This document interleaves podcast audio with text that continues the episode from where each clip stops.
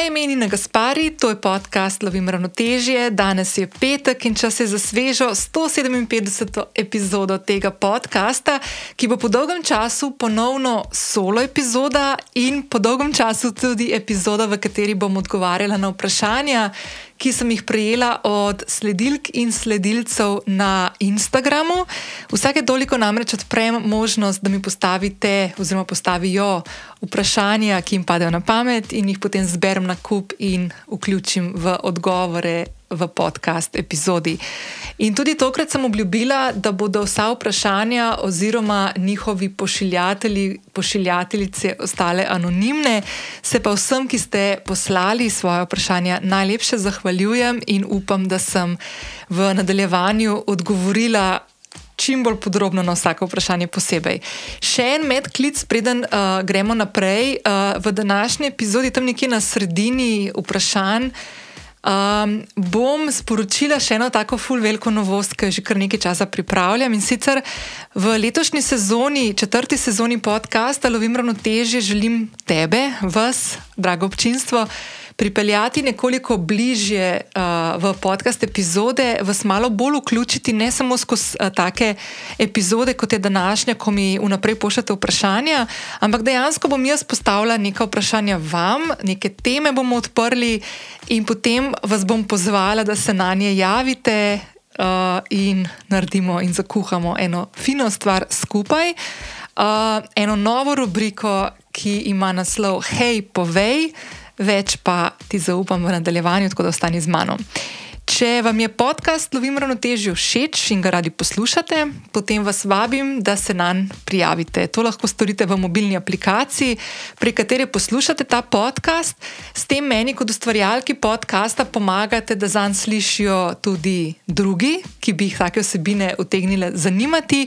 In po drugi strani meni, kot ustvarjalki podcasta, pomagate, da bom privabila na ta podcast čim bolj zanimive sogovornike in sogovornice tudi v prihodnje in ujela pogovore z njimi, da jih boste lahko poslušali tudi vi. Vedno se mi lahko oglasite na zasebno sporočilo prek Instagrama, tam bom najhitreje se odzvala nazaj in se vam zahvalila. Vedno sem tudi vesela, če boste prek svojih družbenih omrežij delili, da poslušate podcast Lujim ravnoteže s svojimi sledilkami in sledilci. Ne me pozabite označiti, da se vam bom lahko zahvalila nazaj.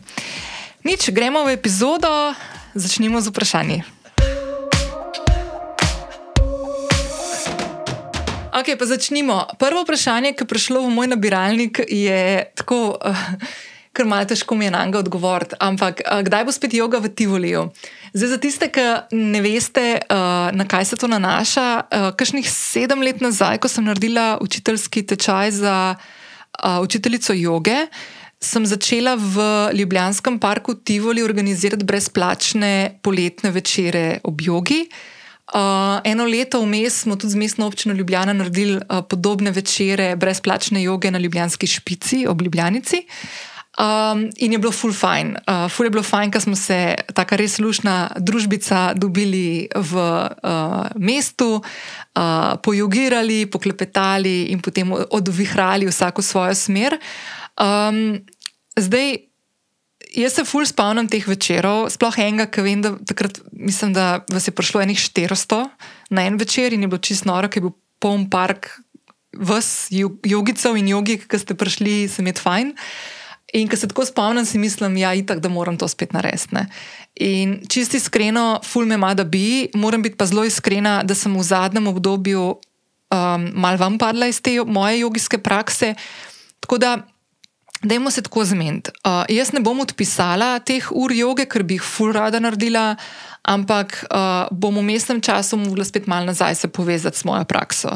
In če mi bo to uspel, kar ne obljubim sebi niti, ker že dve leti to probavam, pa mi nekako ne rata, ampak če mi bo to uspelo, uh, pa se bom malo navezala tudi v naslednjem odgovoru na to vprašanje, potem bomo to naredili.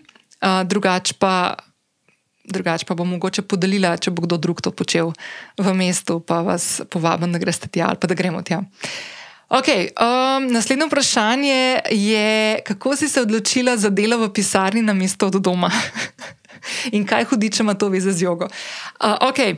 Um, zdaj, če ste poslušali pogovor, kakšne dve epizodi nazaj, ko sem gostila, ali pa tri, uh, ko sem gostila Kajo Šolinc, uh, mojo uh, svetovalko za upravljanje osebnih financ, bom polinkala v zapis epizode. Če slučajno niste poslušali tega pogovora, lahko skočite tja.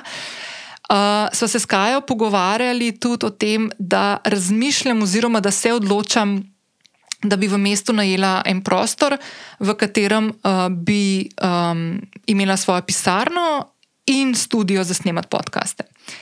In zdaj lahko povem, no, da ta podcast, ki ga zdaj poslušate, je zadnji podcast, ki ga snemam v domači pisarni, ker čez dva dni gre ta oprema skupaj z računalnikom in z vsem v nove prostore uh, v centru mesta.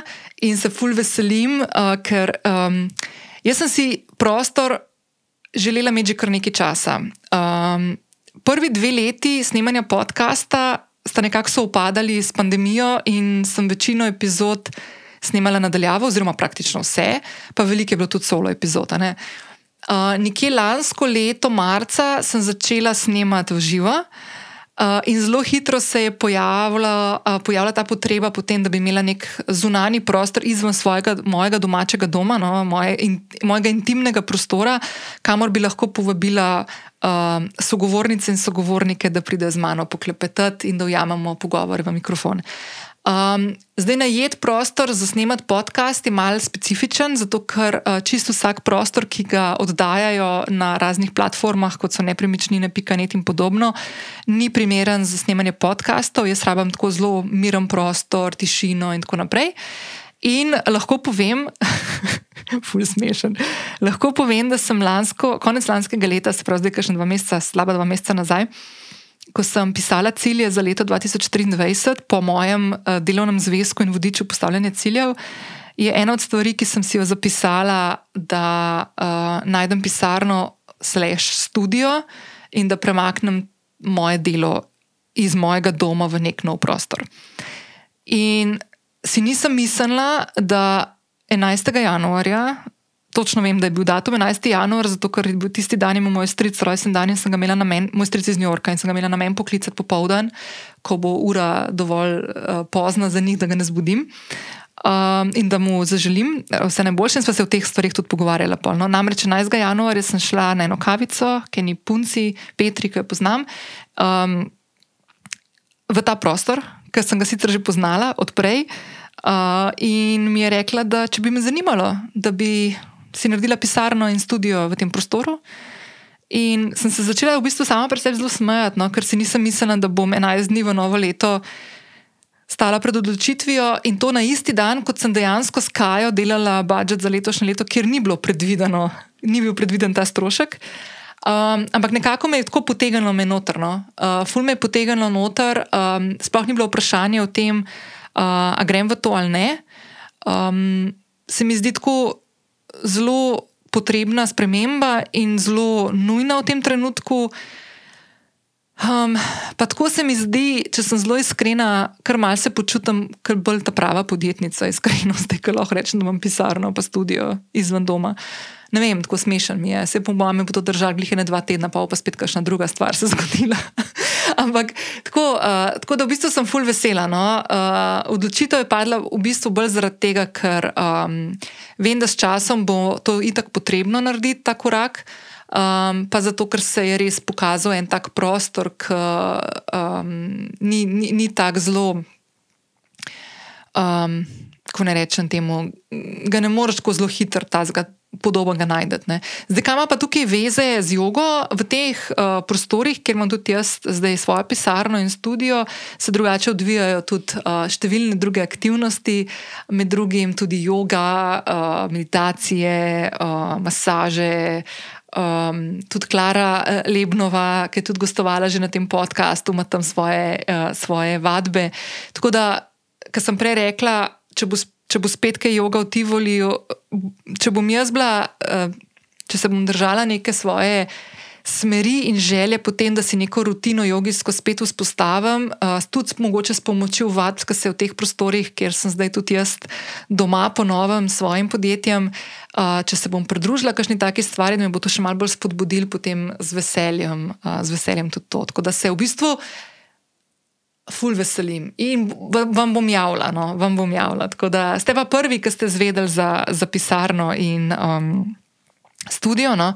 Uh, Mal še skrivam to. Uh, vprašanje pa postavlja oseba, ki je bila prva, uh, prva na obisku uh, v teh prostorih. Tako da ful hvala za to. Naslednje vprašanje je trenutni top film, serija, knjiga, podcast, blog. Oh, ok, film. Um, ok, pred časom, mislim, da decembra meseca, sem sicer v kinu gledala film The Menu, The Menu. Uh, Ray Fiennes igra, pa uh, jo, ne vem, kako je imel, una punca, ki je Queen's Gambit igrala. Um, mislim, da je zdaj na Disneyju ali pa na HBO-ju, nisem sigurna, možno da na HBO-ju. Full fine film, sicer piše, da je grozljivka, pa sem bila tako skeptična, ko mi je Miha rekel, če greva gledati, kaj jaz grozljivk res ne maram, ampak v bistvu je tak ma, tako bolj thrillerno kot grozljivka, tako da kulno. Uh, serija, ok, White Lotus, če še niste gledali na HBO-ju, ga ful priporočam, tako res ga ful priporočam. Uh, jaz pa zdaj le gledam v zadnjem uh, obdobju, v zadnjih tednih. Um, ja, smešen, ker nikoli prej nisem, gre za neto mi gledam. Uh, sicer tako gledam, z enim učem, pa z enim sem ponovadi na telefonu, pa kakšne stvari preverjam. Ampak tako, no, uh, gre za neto mi gledam, uh, pa nisem glih zelo ponosna na to, ker ni neki tasga, da bi zdaj ful priporočam. Ampak ok, White Lotus mi je bil res ful, dober, uh, ful dobra serija. Pa še ena serija, ki je dokumentarna serija, v bistvu pa se navezuje na knjigo, ki jo trenutno berem. Um, Harry pa Megan, dokumentarna serija na Netflixu, sem jo gledala po mojem decembru, ki je vam prišla, ker sem pol Netflix skenslala uh, in je full zanimiva. E, zdaj pa berem, v bistvu, glih sem že na koncu uh, Harryjeve knjige The Spare. Uh, ful mi je zanimivo spremljati njuno zgodbo in opazovati reakcije, sploh angliških tabloidov, kako jih uh, ka, um, raztrgavajo na način, ki je doskrat opisan v njunih ali v knjigi ali intervjujih. Uh, tako lahko v real time spremljaš, kaj se dogaja. Um, in je tako, um, ne vem, no.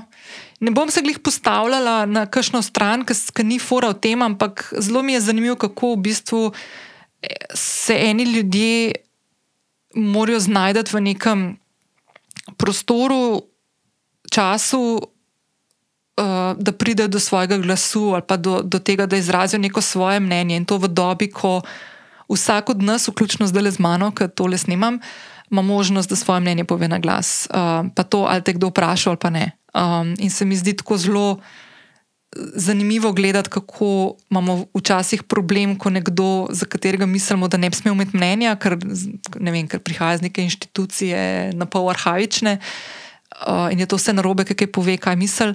Um, se mi zdi tako, no, malo mal tako. Mm, Nespodobno, najmanj. No. Uh, tako, da ja, tako da v bistvu še to lahko povem, no, da knjiga je fully dobro napisana.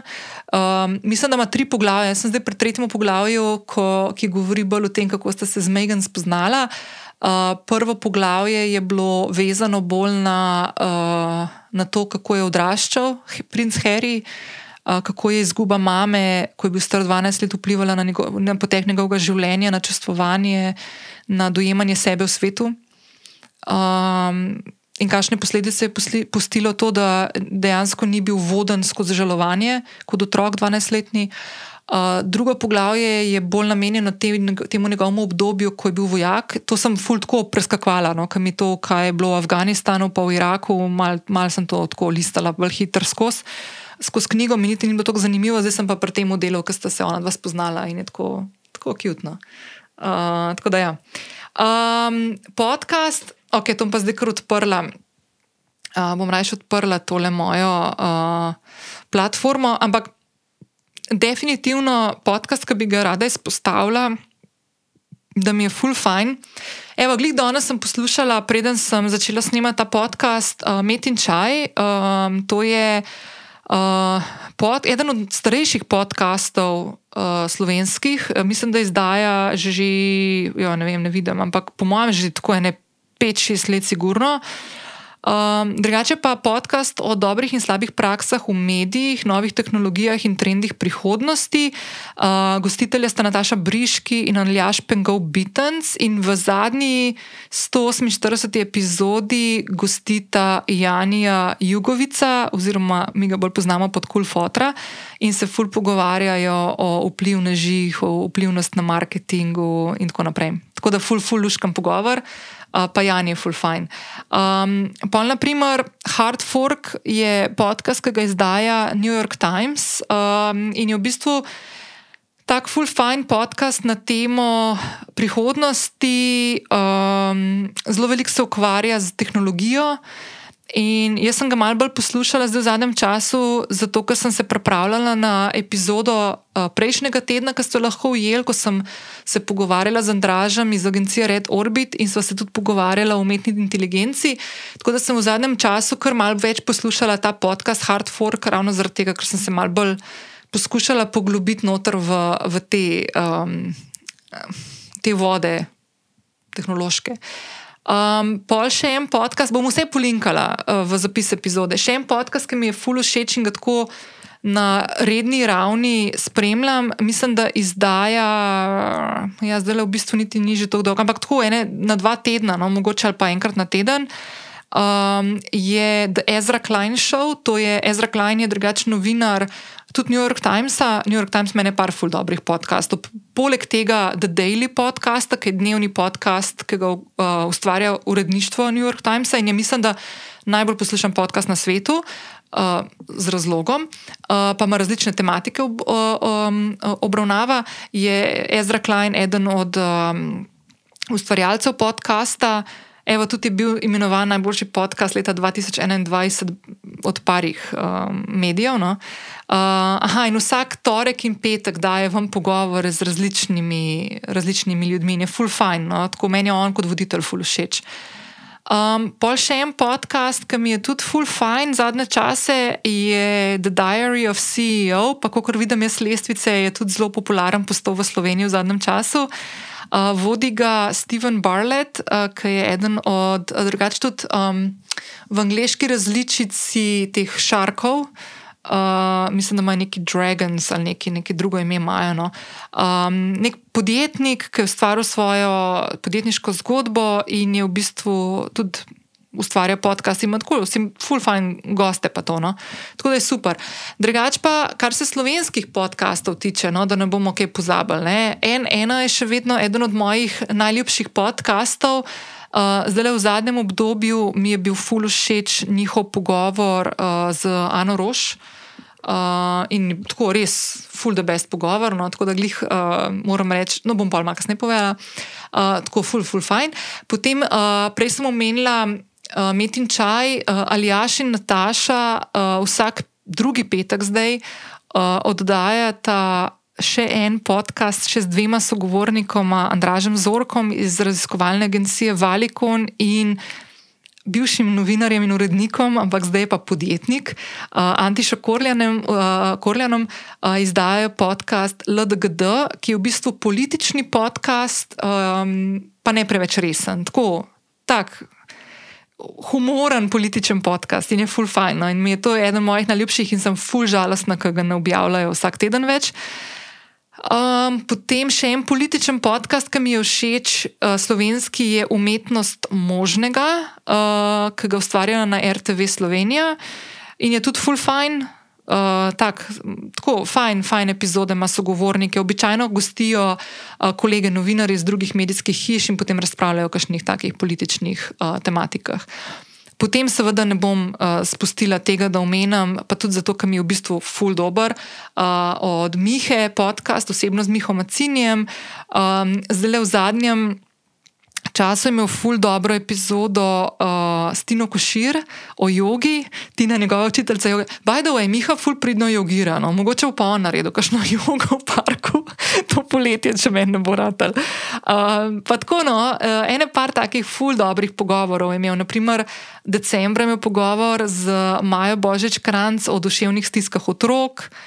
Um, pa pol je imel novembra imel podcast, uh, pogovor z Ireno Pan, ona je drugačna novinarka, oddaje Preverjeno na Pop TV-ju in sta se pogovarjala o New Ageu, uh, zelo veliko tudi o kultih, kako slovenci nasedemo kultom, naprimer kult Happy Happy. Pa tako naprej. No. Um, pa tako, no, fulj je imel, do, res, res ima dobre epizode, no, da nam bom sam zato, ker je pač moj dragi, pa pol ga jaz tlele uh, pušam naprej. Um, je res, res fajn. Um, pol kaj še kaj tazga, ko pa vem. Pa se po mojem, se mi zdela že kar nekaj. Aha, mogoče še tega, no, ker vidim tudi zelo po lestvicah slovenskih, da se ful, ful, doskrat je zelo visok na lestvicah. Se mi zdi, da, ga, da, da smo ga v Sloveniji tudi zdaj malo končno ujeli. Huberman Lab, um, Andrew Huberman je drugač. Uh, um, je drugač uh, profesor neurobiologije na Stanford University of Medicine in zelo veliko uh, govori o tem, kako delujejo možgani, kako se odzivamo na določene stvari. Tako zelo, zelo, zelo fajn, no? res, tako zelo fajn debate. Zdaj pa imam pa še ene par pogovorov oziroma podkastov, ki jih pa spremljam na Spotifyju, um, ki so samo ekskluzivno tam na tej platformi. Eden od teh, ki jih zadnje čase malo bolj spremljam, ker je imela par takih gosti, ki so bile tako zanimive, je Call Her Daddy. Uh, je bilo par takih zanimivih. No, mogoče uh, Jane Fonda, to moram še poslušati, uh, pa Chelsea Handler je bila zdaj le pred kratkim, drugače imela pa nedolg nazaj. Ja, v bistvu že konec decembra lani. No je gostila Amanda Knox, to je tista ameriška študentka, ki je kakšnih 15 let nazaj študirala v Perugi in mislim, da po tednu dni, ki je bila tam, so jo obtožili, da je umorila svojo cimro, angližinjo Meredith um, in je pa bila tudi v zaporu. Uh, tako da, ful zanimivo, ful zanimiv pogovor z njo. No. Tako da, tako da ja. Evo, um, to so take stvari, ki se mi zdi, da so ful fajn, da jih lahko tudi vi mal pogledate, pa preverite. Ok, naslednje vprašanje je, kdaj greva na džin, ki ga utopiva v tonik?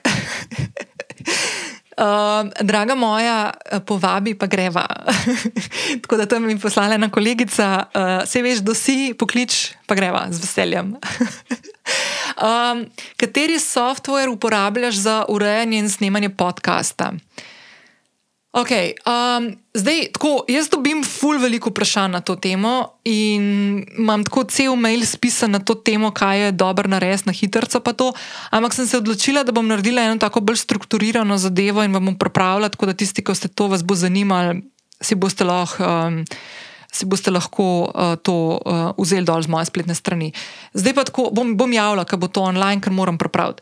Uh, drugače pa tako, Tako kot sem rekla na začetku, uh, ko sem odgovarjala, zakaj sem se odločila za najem prostora izven mojega doma. Um, jaz od lanskega leta snemam večino podkastov v živo, se pravi, da sem si kupila opremo, snemalnik, mikrofone in tako naprej. Um, drugač pa obstajajo fulušne platforme, uh, prek katerih lahko nadaljavo snimaš podkaste, lahko uporabljaš tudi Skype, lahko uporabljaš Zoom. Ne se preveč uh, ukvarjati s tem, da morate imeti najbolj fantastično upremo na tem planetu, ker ni fora o tem. Um, Pol obstaja en kup enih platform, prek katerih oddajaš podcast, to pomeni, da naložiš podcast epizodo gor in ti jo razprši na vse podcast mobilne aplikacije, um, ki so na svetu, uh, ki, prek katerih potem vi poslušate podcaste, pa so zdaj lahko to Apple, Apple Podcasts ali pa na Google, Google Podcasts ali pa Amazon Music ali pa Spotify ali pa Stitcher, um, Pocket Cast, Overcast, pač fulje teh platform. Um, tako da to, zdaj, kar se tiče editiranja, uh, jaz priznam, jaz ne editiram zvoka sama, uh, to meni dela Luka, uh, zdaj že eno leto. Um, zaupam čist njemu in tako da jaz v bistvu pripravim tako zelo grobe posnetke, oziroma raw files, to, kar se pač posname, to, kar zdaj snimam. Naprimer, jaz sem pol to Luka tu zapakirala, poslala in Luka bo pol to zmontiral skupaj, oziroma on pravi, da to ni montaža, ampak on bo to pol uredil in dodal musko in, in tako naprej in mi poslal nazaj, da pol jaz naložim. Tako da, evo, drugače pa tako. Podcastanje samo um, ni neka taka ful zapletena stvar Ne? Bolj pomembna stvar pri vsemu tukaj je, da če se odločate o tem, da bi šli v podcast okolje, da bi imeli svoj podcast, je ful pomembno, da razmislite o vsebini, o kateri želite govoriti na svojem kanalu in predvsem o frekvenci oddajanja. To pomeni, da um, je treba biti konsistenten. Uh, jaz sem zelo kmalo to uh, ugotovila, ko sem začela snemati podcast in sem se odločila, da bom imela enkrat na teden epizode. Da, ko enkrat ljudi in svoje občinstvo navadiš, da si enkrat na teden, da potem enkrat na teden to delaš. Uh, tako da je kar um, je kar tempo. No? Uh, lahko se seveda odločite, da greste enkrat na dva tedna, enkrat na mesec, kako koli, ampak je full fajn, da se držite neke, nekega ritma, ki ga sami določite, zato ker se bo vaša publika na to odzvala in se tega navadila in bo želela dobivati vsebine, sploh če bodo take, po katerih se bo posegali in okrog katerih bo rasla neka skupnost. Tako da to, to se morate zavedati in, in upoštevati. Uh, zdaj pa tako občinstvo podcasta je ena taka full fajn stvar. In uh, podcast je običajno ena stvar, ki jo jaz mogoče tako mal v navednicah pogrešam in zato full rada delam take epizode, kot je ta, je, da poskušam vas, drago občinstvo, malo bolj pripeljati noter v podcast epizodo. Se pravi, da ni vedno tako, da mene poslušate ali pa mojega sogovornika ali pa sogovornico, ki jo gostim ali pa jih gostim na podkastu, ampak da dejansko imate občutek, da tudi imate nek doprinos k temu. In ko smo ravno pri tem, sem ful vesela, da vam lahko razkrijem eno stvar, ki sem jo zdaj v zadnjem času pripravljala in vas povabim, da tiste najbolj pogumne. Ma dobro, ne niti najbolj pogumne, sploh ni treba biti pogumen. Ampak tako, tiste, ki imate zanimive zgodbe, da jih z mano delite.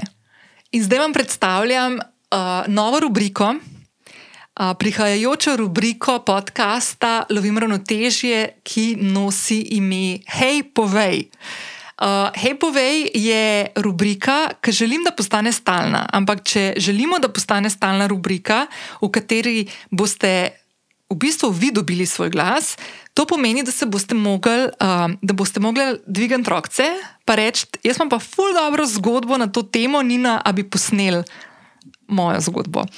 Kako bo deloval?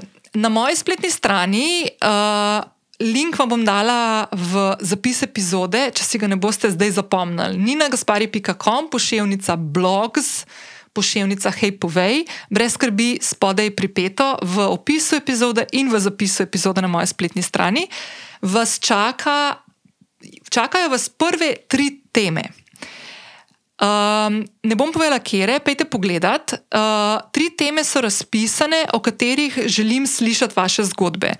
Vsaka od teh tem ima eno kratko, tako uh, lušno anketko, par klikov, ampak ful bi rada od vas slišala najprej, kakšno zgodbo imate, tako na kratko v enem stavku, pa potem malo bolj podrobno. Uh, pa mi boste zaupali vaš e-mail, pa zaupali mi boste, če želite, uh, da ste anonimni, da vam damo neko drugo ime. In potem bo to tako izgledalo. Jaz bom dobila vse vaše predloge, vse vaše zgodbe, bom izbrala tiste, ki so taki res najbolj odštekani, nori, zanimivi, ki bi definitivno hotela slišati in tako naprej. Uh, Lo, da boste valjda vsi prišli noter, ne, ne. odvisno koliko bo teh stvari, uh, koliko se bo pojavilo nekih zgodb na posamezno temo. In potem vas bom kontaktirala in se bomo zmenili za termin snemanja, in bomo nadaljavo posneli pogovor. Jaz in ti na drugi strani. Če ti je ime Tina, pa nočeš, da vejo, da si ti, lahko rečeš, da ti je ime Micka, da prihajaš na mesto iz celja, da prihajaš iz Kočevja. Naprimer. Bomo zakamuflirali tvojo identiteto in boš povedala svojo zgodbo ali pa povedal svojo zgodbo. Uh, tako kot sem rekla, tri teme, tematski sklopi so že objavljeni na spletni strani, na linku, ki vam ga dajem v zapis, pa spodaj v opis epizode. Javite se, ful bom vesela, ful se veselim, ful bi vas rada, tako, ful bi vas rada spoznala, ful bi rada slišala vaše zgodbe. Um, in še ena stvar, komod lahko tudi kakšno temo predlagate. Lahko predlagate kakšno tematsko, ne vem, strahovi, izzivi, karkoli tazga.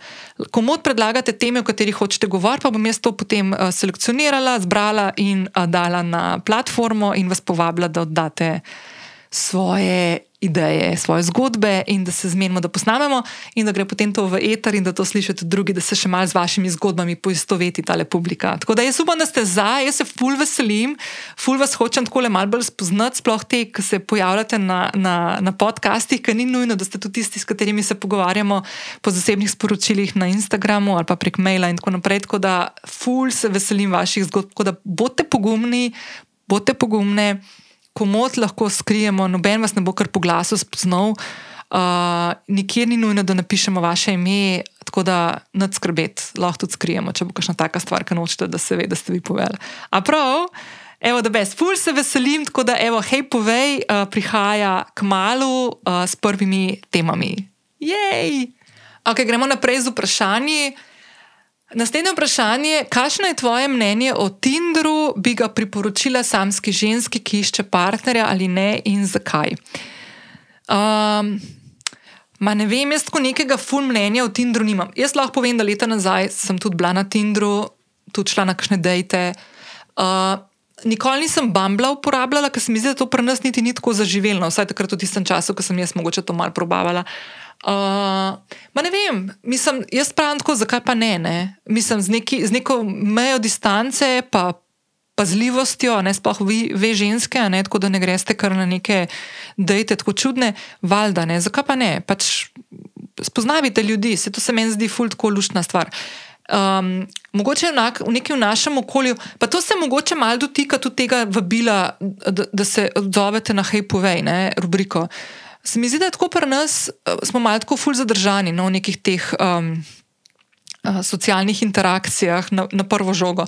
Jaz se spomnim, ko sem se v London preselila, mislim, jaz bi komot lahko šla na ven zvečer sama v lokal spodaj, ki je bil pod mojim stanovanjem, pa bi se usedla za šank, pa bi naprimer me kdo ogovoril. Ne? Ne vem, to se mi zdi, da se v Ljubljani ali pa tako v Sloveniji sploh ne nekaj ne zgodi pogosto. To je ena stvar, druga stvar pa če se, pa ponovadi so že kašni taki mal dobrovoljni, pa malo uh, okrepljeni s kakšnimi uh, lušnimi, uh, opojnimi džini in toniki in podobnimi stvarmi, pa so malo bolj pogumni. Naprimer, ne? ne vem, no, tako, ali pa mogoče so neki moji predsodki, se mogoče ni več tako.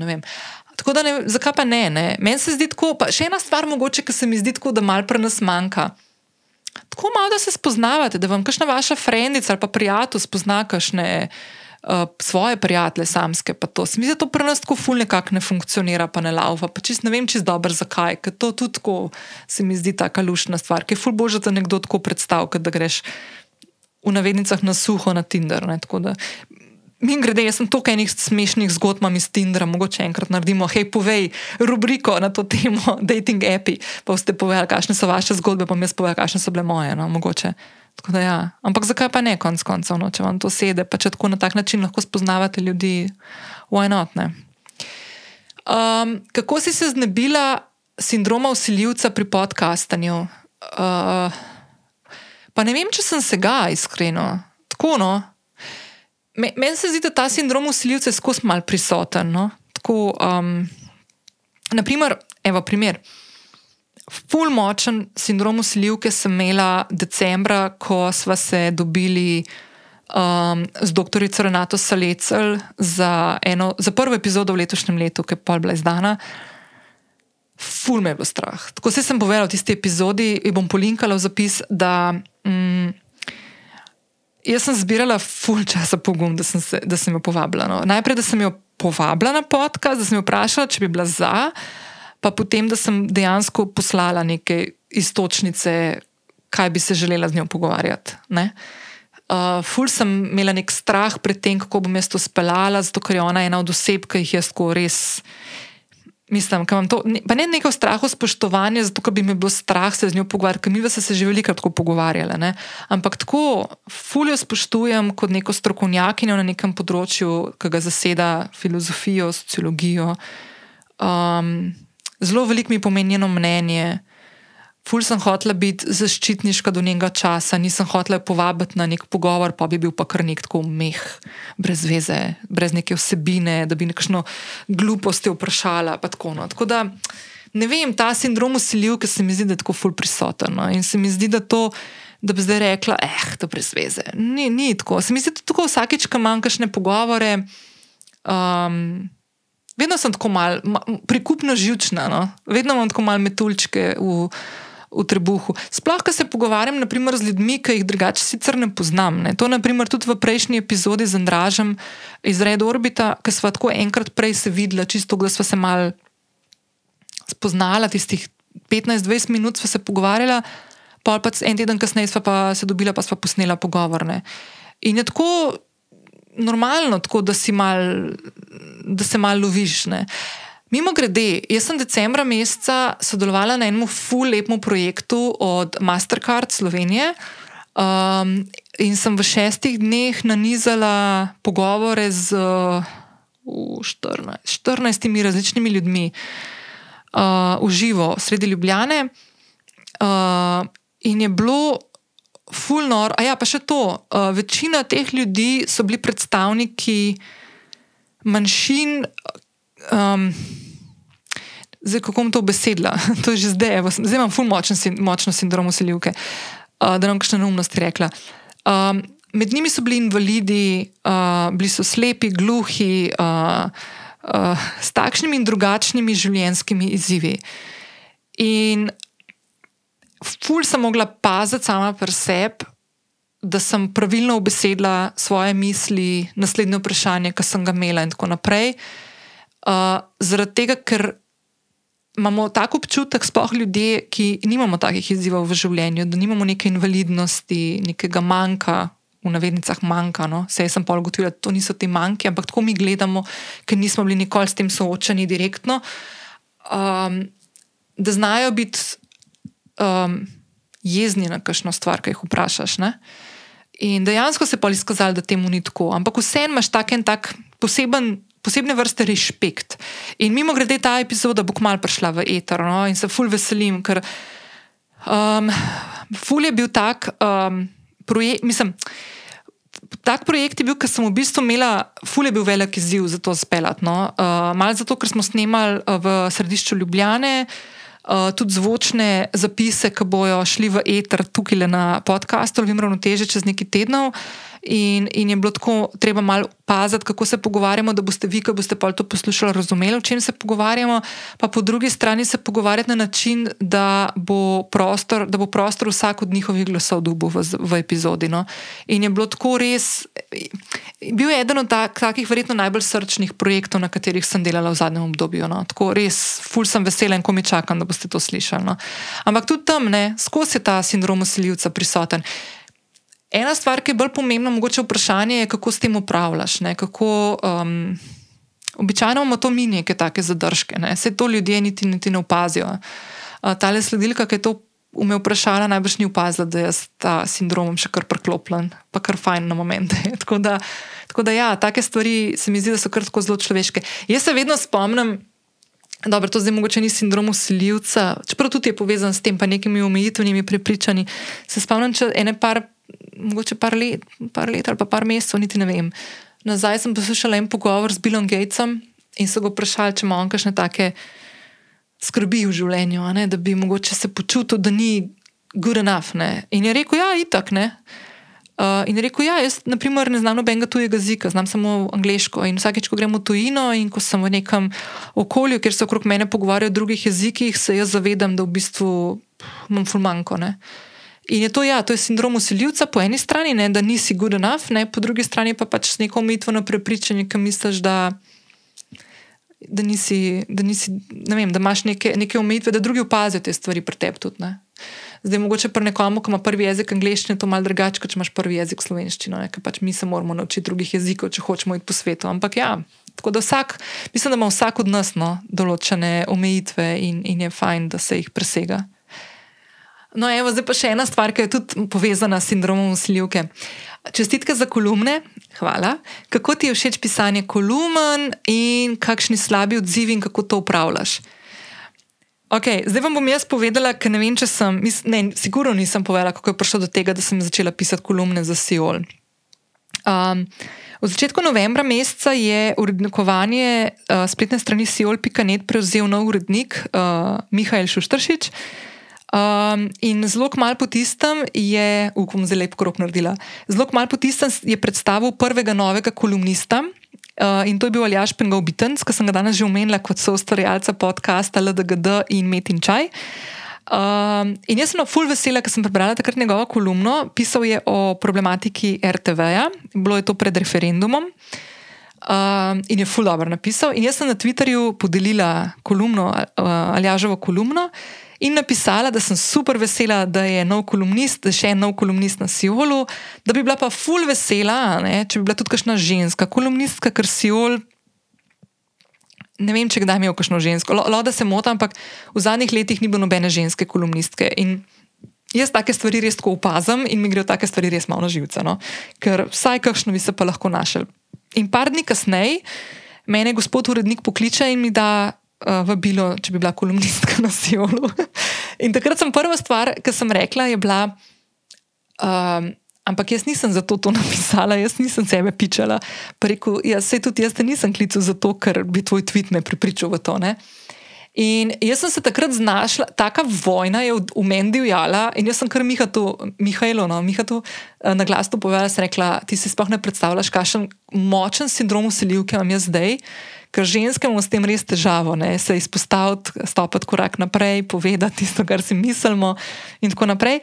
In, um, in sem rekla, ampak če sem jaz to glasna vedno ne? in pravim, da se ženske moramo oglasiti, ko imamo svoje mnenje in ga moramo obesediti. In se moramo, če nas kakšni mediji kontaktirajo, predstaviti v neki na, naši strokovnosti, ki jo zastopamo. Zakaj pol jaz zdaj ne, ne bi rekla ja? Pol nikoli več ne bom mogla tega na glas reči, da vas, da vas bom vas podbujala, pejte se predstaviti, pejte povedati svoje mnenje. Če vas kliče z kakšnega medija, pa je neko področje, ki ga poznate, pa na njem delate že nekaj časa, pejte se predstaviti, čeprav mislite, da niste to prave. Ste, zakaj niste, kje to piše. No, skratka, in nisem mogla reči ne, pol ne, ker če nikoli več ne bi mogla reči s pravim srcem tega, da se pejte predstavljati. Tako da tako je prišlo do tega. No? Tako da v bistvu pisanje, zdaj sem napisala dve kolumni, no? samo to, da se razume, tako da ni neki ful velika številka. Uh, v bistvu uživam, uh, ful me meče iz cone obdobja. Um, pisanje kolumn je ful drugačno od priprave, naprimer, vsebin za podcast. Uh, način priprave je čist drugačen. Um, Mogoče tukaj, zdaj, ko pripravljam podcast, okay, sploh tole, ki ste mi zdaj vprašanje poslali, se ful fokusiram na vas, kaj bi vas zanimalo, kako bi odgovorila na kakšno vprašanje, da bom res odgovorila na način, da bom ubesedila to, kar hočem za neko vprašanje. Pri kolumnah jaz načeloma se ukvarjam ful sama sabo, balno, tako, če povem po domač. Bolj poskušam uh, v svojih mislih razdeliti neko temo. Um, se skregati sama s sabo med, v procesu, če treba, um, in predstaviti neko svoje mnenje, za katerim pač stojim, uh, brezpogojno. Ne. In um, zelo, sploh na zadnjo kolumno, no, ki sem jo pisala na temo uh, komunikacije med zdravniki in pacijenti, je bila to neka taka stvar, ki se mi je zdela. Ne vem, tako da prvič imamo, verjetno, vsi malo s tem, smo že imeli kakšne negativne in pozitivne um, izkušnje na tem področju, ampak se mi zdi, da se o teh stvarih fulno pogovarjamo. No? In, in mi je bilo fulno pomembno, da obesedam in nekako zapeljem neko svoje mnenje. Moram pa povedati, da v bistvu mi je precej naporno pisati kolumne. Um, vzamejo mi fulno več časa, kot sem mislila, sploh zdaj na začetku.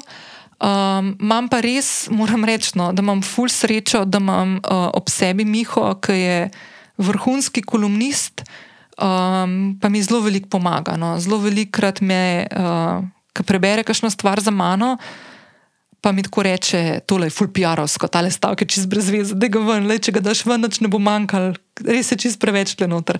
Kakšne take stvari, ki jih mogoče niti ne opazam, no, pa me on mal upozori na to. Tako da je v bistvu full fine, se tudi full od njega učim in mi je debest. No. Tako da, tako da ja. Zdaj, kašne, ka, ka, kar se pa odzivov tiče. Ne, um, prva stvar, ki sem si jo obljubila sama sebi, tako da če kdo prebere kolumno mojo, pa hoče pokritizirati spodaj v komentarjih na siol.net, jaz to ne bom brala. Uh, tako da tam ne vidim, kaj se dogaja, in tudi nočem vedeti, ker mi je to res iskreno brez veze, uh, ker ponovadi so neke slabe stvari. Um, na Twitterju so bili odzivi, na zelo na zadnjo kolumno, ampak noč kaj tazga, da bi bilo neka drama. Sem pa kar nekaj klicev, pa mailov dobila, uh, pa nekih vabil na neka sodelovanja, na projekte, tako da ne vem, luštano. Ja, ok, mislim, pa tudi če je neka konstruktivna kritika, bom čisto zadovoljna, če bo prišla. Um, raznih tako, nergan, pa nekih. Um, Nespodobnih uh, komentarjev, to pa, to pa žitak, ne, ne blokiram samo od sebe. Tako da, ja, tako da upravljam, se mi zdi, da zaenkrat kar ok, no, zaenkrat. ok, uh, kako dober naslednje vprašanje. Ni, no, ja, vprašanje. Ja. Če mi zaupaš recept za kapesante, ok, kapesante, školke, okay, kupaš školke, jaz jih običajno uh, operam pod, um, pod tekočo vodo, mal, ker se včasih nabere še pesek ali pa tako. Uh, Polih daš pa na uh, peki papir, na ponov. Po, um, jaz običajno se grejem pečico na ene 180-200 stopinj, to moš malo probavati. Pa pa naredim marinado, ne, se pravi, prelijem uh, vsako školko, meso školke v lončku školke, ne, polijem najprej malo olčnega olja, dobrega, pol da. Um, pa pa naredim tako maso, zmes. Um, nimam nobene stvari izmerjene, no, čisto po občutku. Um, drobtine, svež, svež petršilj, ki ga nadrobno nasekljam, uh, malo uh, popra, malo soli soli malo, um, pa potem mogoče še kakšno kapljico, dve, olč, um, ne olčnega olja, um, limoninga soka, če vam je to fajn.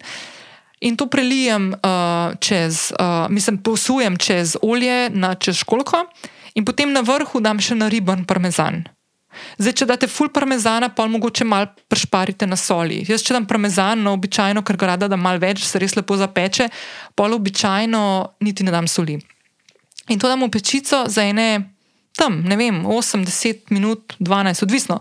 To, da se lepo zapeče v sir, in potem si narežem uh, eno bageto, svežo in potapkam noter, polk je spečen. Tako da to je to. Najbolj izi stvar na planetu, pa ful dobro. Ok, naslednje vprašanje je, katere antidepresive si je mala, kako dolgo je trajalo in ali so pomagali. Uh, Um, okay. Bom jaz polinkala mojo epizodo, ki sem govorila na dolgo in široko o moji poti do mentalnega zdravja, duševnega zdravja, oziroma kaj vse sem dala čez, med drugim tudi trikrat zdravljenje z antidepresivi v 15 letih. Caca. Jaz vem, da je bilo na C neko ime, ampak ne vem točno, kero, pa to niti ni tako relevantno. Zato, ker ko se enkrat znajdeš v situaciji, ko potrebuješ pomoč, in zdravnik oceni, zdaj ali tvoj osebni zdravnik ali pa te pošlje k specialistu, oceni, da potrebuješ zdravljenje z antidepresivi, uh, je to pomembno, da zdravnik določi katere. Tako da, če jaz povem, kje sem jaz imela, ni nujno, da so to zdravila, ki so sploh še na trgu, ker to je bilo že leta nazaj. In druga stvar, ne vem, če so to zdravila, ki bodo tebi ali komorkoli drugemu tudi pomagala. Tako da ne bom niti, tudi če bi vedela, zdaj le ime, niti ne bi povedala. Um, jaz sem antidepresive, trikrat, ki sem jih imela, vsakič sem jih zaključila sama, jemati. Um, enkrat mislim, da je bilo šest mesecev, enkrat skoraj leto, ta drugič pa spet šest mesecev, a ta tretjič pa spet šest mesecev. To je stvar, ki jo ne narediš. Uh, jaz sicer nimam občutka, da je bilo karkoli narobe pri meni zaradi tega, ampak z antidepresivov je fajn, da se tako kot smo šli na antidepresive z zdravniškim spremljanjem, je tudi potrebno iti dol z antidepresivov z zdravniškim spremljanjem. To pomeni, da običajno zdravniki predpisujejo manjše doze. Uh, da če si prej jemala vem, eno tabletko na dan, ti dajo pol, pol tabletke, pa pol četrtinko in tako naprej. Uh, ne tega delati, kar sem delala jaz, ker lahko, lahko ni ok. No. Uh, Uh, a so pomagali? Ja. Jaz vse, v, v, vsakič, ko sem imela to izkušnjo, um, če zdaj pogledam nazaj, vsakič je bilo potrebno, da sem šla na antidepresive, da sem presekala začaran krok, iz katerega nisem znala takrat sama pridati. Um, tako da, ja, meni je pomagal. Um, je pa ena stvar druga. No. To je pa neka taka zadeva, ki jaz tako vedno ponavljam, da antidepresivi in vsa ta zdravljenja so super za neke te kronične stvari. Je pa ful pomembno, da sočasno te, s tem in kasneje, ko enkrat gremo z zdravil, um, da se naučimo bdeti nad svojim razpoloženjem. In to pomeni v praksi, če zelo poenostavim, da se ful ukvarjamo sami s sabo, da se bolj kot z drugimi ukvarjamo s sabo, da veliko časa preživimo v tišini ali pa v nekem svojem prostoru, tako duševnem, mentalnem, čustvenem, fizičnem, da se spoznamo, da ugotovimo, kaj je za nas pomembno, uh, da ugotovimo, kaj je tisto, kar nas veseli, kaj je tisto, kar nas bremeni, kjer stvar od teh, ki nas bremeni, lahko opustimo, um, kjer odnosi nam ne služijo v življenju. Um, od katerih ljudi se je fajn posloviti, kakšne ljudi si želimo imeti okrog sebe. Um, ne vem, no, tako vsaka neka. Um, Vsaka neka stvar v življenju, ki se dogaja, pa lahko so to dobre stvari. Naprimer, evo, primer, ki sem ga prej omenjala, ko sem dobila tole vprašanje od moje kolegice. Um, jaz sem bila zdaj v zadnjih tednih precej tesnobna. Ko, in eden od razlogov, zakaj je bilo tudi zato, ker sem se ful z veseljem odločila za to, da grem v nek eh, nov prostor in da predstavim svoje podjetje in svoje delo iz mojega intimnega življenjskega ali pa doma, tega intimnega prostora ven. Um, ampak to pride z en, enim kupom enih skrbi, ki niso vse vezane samo na finance, pa na više stroške. Ampak tudi tako. To je totalna hoja iz svoje celno obdobja in, um, in je super, in je da best, ampak take stvari je ful dobro spremljati. In jaz, če ne bi toliko že sebe poznala, da bi vedela, kako sebe loviti na tej poti, da ne padem preveč globoko v neko razmišljanje, kako mi ne bo uspel, kako mi bo spodletel, kako ne vem, karkoli strahovi, ki bi me preganjali, ker so mimo grede strahovi, ki so v meni. Od, iz otroštva mojega prisotni in neka omejitvena prepričanja, da me to ne vrata ali tako naprej. Um, če ne bi teh stvari poznala in znala s tem upravljati, verjetno bi se zahvalila za to vabilo in rekla, nisem še pripravljena. Um, tako da, ja, ne vem, no se mi zdi včasih, kot sem jaz. Ne bom rekla ambasadorka, ampak jaz sem ful za to, da če imate res težavo na področju duševnega zdravja, da to, da greste na antidepresive, da poiščete tudi pomoč na antidepresivih, če valjda vaš zdravnik oziroma specialist, s katerim pridete v kontakt, vam to priporoča, potem absolutno je to lahko dobra stvar. Ne? Ni nujno vedno, ne? lahko včasih niso stvari tako kritične, da bi to potrebovali. Ampak zato imamo strokovnjake na tem področju, ki nas znajo usmerjati. Um, tako da, ja, jaz bi, jaz bi se tega tako lotila. Ok, še zadnji sklop vprašanj. Um, kako zbiraš goste in koliko vnaprej snimaš epizode za podcast? Um, ma, tako bom rekla, goste in gostje največkrat zbiram zato, ker hočem se podučiti tudi jaz v kakšnih tematikah. Um, tako da tudi zdaj v nadaljevanju prihajajo take gostje in gosti, uh, ki bomo odpirali teme, o katerih tudi jaz hočem več vedeti. Um, koliko naprej snemam epizode, je pa tako zelo odvisno. No? Uh, zelo je odvisno od um, razpoložljivosti, ampak običajno imam tako kašno, kašno eno ali pa dve epizodi na, na lagerju. No? Tako, da, tako da, ja, da, ni, da ni vse zadnjo, zadnjo sekundo, plus da. Kot sem prej omenila, da imam enega krasnega lukata, ki mi vse stvari uredi in spravi skupaj v končno obliko. In jaz običajno njemu ful rada pošljem tako, ne vem, par dni prej, ali ponedeljek, torek. Za tekoči teden, da, mi, da ima tudi on čas, ker mimo grede, če govorimo o lovljenju ravnotežja, uh, jaz nočem zadnjo sekundo nekomu pošiljati in potem stati za vratom in, in težiti, da bo poslovno. Tako da se ful držim tega nekega lahkotnejšega toka, tudi za vse tiste, ki z mano sodelujejo, ne samo zase.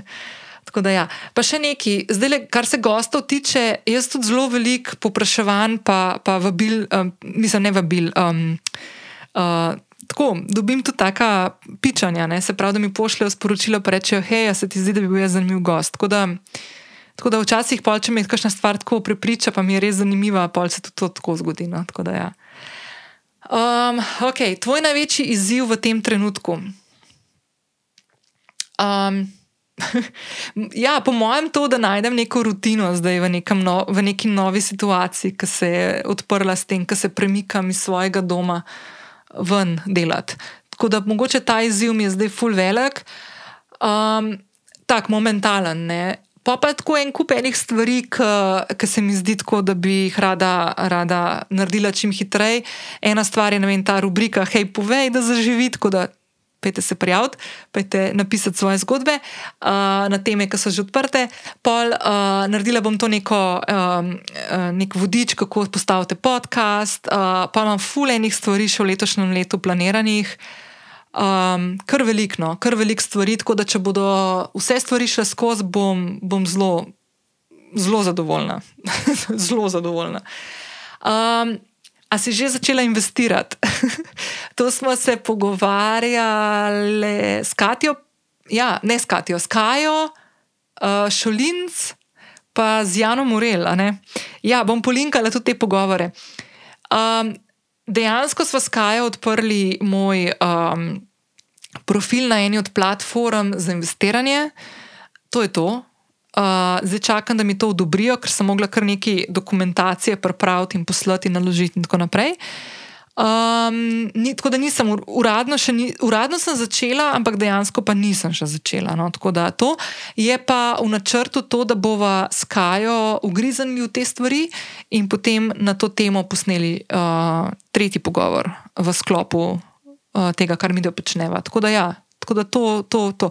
Zdaj, pa, če pa Jana začela Morelova že um, kaj delati na tem, pa ne vem, ker še nismo šli na sprehod uh, po rožniku, uh, ampak mislim, da bo šle zdaj le k malu, pa bom vprašala, pa vam povem. Uh, pred zadnje vprašanje. Um, O Maji, ko si zadnjič povedala, uh, kaj se je zgodilo, Maja, moja sestra, um, kako se je videlo, da gre za možgansko kap? To je bilo vprašanje.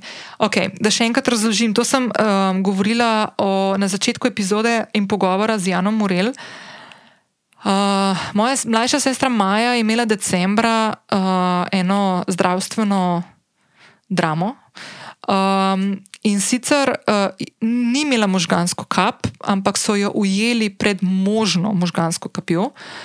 Um, jaz se spomnim, Maja je bila pri meni en torek, se mi zdi, sredi decembra. In zjutraj, naslednji dan, ko se je zbudila, je imela zelo, zelo, zelo močen glavobol, in ena od vek očesnih je tako na polovico očesa padla. Um, in je šla k zdravniku in jo je poslal naprej. Tako da dve stvari, ki sta bili. No, jaz mislim, da ta glavno ta glavna stvar, uh, ki je Maja odigrala, da nekaj ni ok, je to, da je imela to veko spuščeno, uh, ne to glavobol, ker moja sestra ima kar pogosto močne glavobole, tako da ne bi niti šla toliko za tem. Uh, ko je pa videla to, to oko, je pa, je pa pol hitro reagirala in šla naprej, in je hvala Bogu zelo hitro prišla do odgovora, kaj se dogaja, in potem do nadaljnega zdravljenja um, in, in tega, da, da je danes boljšno. Uh, Ampak ja, um, zdaj, kakšne so, so pa še te, kako opaziš take stvari, to pa čisto iskreno ne bi znala zdaj niti jaz odgovoriti, pa v bistvu nikoli, da ne znam, ker bi mogla malo bolj pogledati te stvari, glede na to, da so se mi v familiji zgodile pred kratkim, tako da bom šla tudi malo se jaz bolj pozanimati o teh stvarih, ker več kot očitno se lahko to hitro zgodi človeku, tudi mladmu. Ja. Zadnje vprašanje, kaj te je v zadnjem času najbolj razburilo?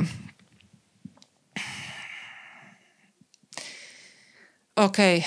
Zdaj, prva stvar, ki mi pade na pamet, je zdaj le, tudi danes se zgodila. V bistvu.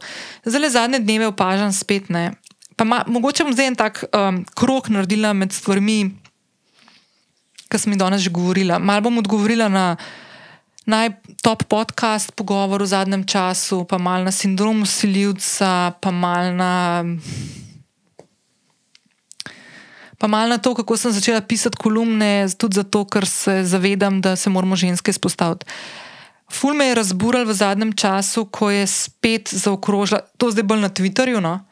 um, ki je spet zaokrožila tista um, zgodba, ki je mislim, da Robert Roškar uh, iz Radia 1 ene leto pa pol nazaj objavil na svojem Instagramu, pa mislim, da pol tudi zbrisal, meni se zdi, ampak nisem sigurna, ampak se vsem. Ampak v bistvu naredil neko foro na to temo, koliko je bilo drago, ki je šel na večerjo Kani Roš v Hišo Franko. In potem se je zgodil cel pogrom, ne, da kva se gre, kakšne cene ima, kva se to pravi, in tako naprej, in, in obsojanja, in žaljenja, in nespodobnosti, in tako naprej. In sem v bistvu ful žalostna zaradi večjih stvari. Prvi zato, ker ful spoštujem Mano Rož, tako ful. Ful je carica, ful je kraljica. Um, ful mi je všeč njen način razmišljanja, ful mi je všeč njena filozofija.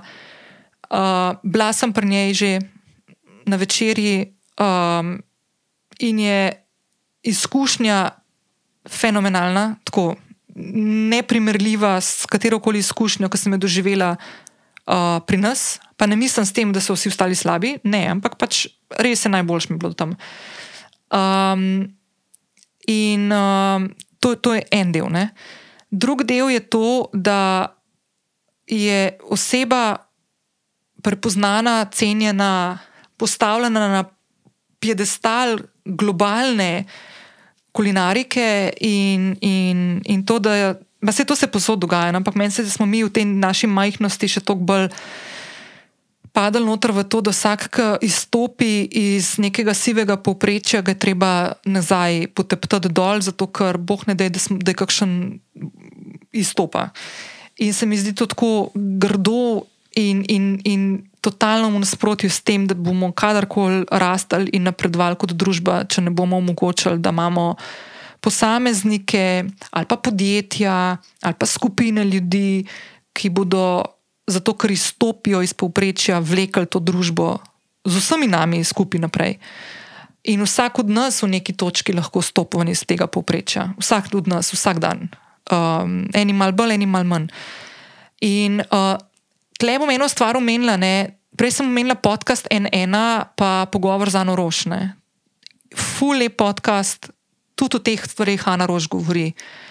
Um, kako jo prizadanejo take komentarji od ljudi, ki mimo grede nikoli blizni niso bili, ne? tako bliz. Niti ne vejo, kaj počne, niti ne vejo, kaj daje svojim gostom na mizo in na kakšen način, nič ne vejo. Pa se mi pa še ena stvar danes parolala, glih po mojem par ur, preden sem tole začela snemati na Instagramu, ki je v bistvu en. Um, Eden od redkih profilov, ki ga, snem, ki ga spremljam na, na Twitterju, no, ne na Instagramu, na Twitterju, uh, je eden od knjižnih urednikov uh, v Sloveniji, uh, mislim, da je od Cankareve založbe Aljoša Harlamov, uh, dal svoj komentar na ta pogrom, ki se zdaj spet odvija na Ano Rošne. Med drugim tudi zato, ker je zdaj par dni nazaj odprla v Ljubljani popa restauracijo v hotelu Slona. Ne? Mimo grede, sem tam bila zdaj prvi dan in je ful dobro za jesti. Um, no, in je Aljoša ful dobro napisal, ne, da problem, ki bi se mogli vsi z njim ukvarjati, je, da imamo ful manj izbire. Ne, da, da je nekdo, ki ima visoke cene v svoji restauraciji. Pa mimo grede v restauraciji, ki je skozi polna, pa ki čakaš mesece na, mes, na, na svoje mesto in noben te nasil, da greš tja. In da bi se mogli ful bolj ukvarjati s tem, zakaj imamo hrano v trgovinah, ker vsi hodimo v trgovine, pa vsi v trgovinah kupujemo hrano, zakaj je naša hrana tako draga. Zakaj je naša hrana v trgovinah dražja od primerljivih izdelkov v tujini, v naši bližini, konkretno v Italiji. Zakaj jaz v Italiji kupam isti izdelek 30 odstotkov ceneje? Namesto da bi se ukvarjali s temi stvarmi, se ukvarjamo z anorož, pa s tem, kako ima ona drage cene, ker mimo grede zelo malo ljudi gre tja na večerjo ali pa na kosilo. Um, In sem ful žalostna, ker take stvari vidim in berem. No. Zato, ker ful smo lahko boljši. Ne? Pa ni samo na rož, vse smo lahko, tudi vsak od nas je lahko na tem nalu, tako pač vsak od nas. In meni panike, če si bolj konstruktivno kritičen, ni pa treba zraven prepenjati nekih opolskosti, pa nekih sob, ki sploh nimajo nobene osnove in tako naprej. Lahko mu rečeš, meni je to predrago. Ja, je drugo. Ne, um, ne pomeni pa, da je vse drugo, pa še zraven prepeto. Ne. Tako da take stvari, to me ful razburijo. No, take, take primeri me ful razburijo in, in, in sem tako ful, ful jezna. In v bistvu imam še eno stvar za povedati, no, še eno stvar bom povedala na to temo.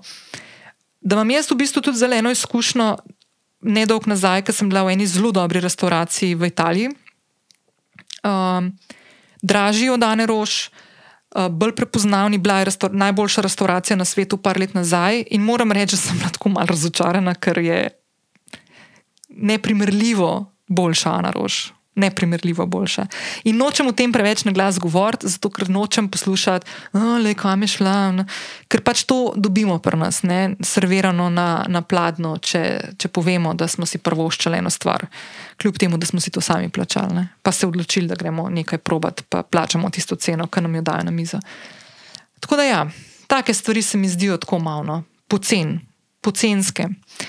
Um, tako da ja, pa mimo grede, uh, tudi tudi mene zanese, kdaj, pa tudi jaz sem kdaj mal pametna, ampak se tako ful poskušam, že v osebnem življenju se ful pu, uh, poskušam izogibati tem nekim sodbam, pa mi ne rata vedno. Na družabnih omrežjih, sploh na Twitterju, pa sploh. Tako, ne spomnim se, kdaj na zadnje sem tako kašno tako stvar napisala, da bi uh, probala biti, ne vem, pametna za neki, ki mogoče ni glih moje področje, da bi bila pametna za njega. Tako da, ja. malo več prijaznosti, pa spoštovanja drugih, um, pa bomo pa dobili tudi spoštovanje nazaj, se mi zdi. No.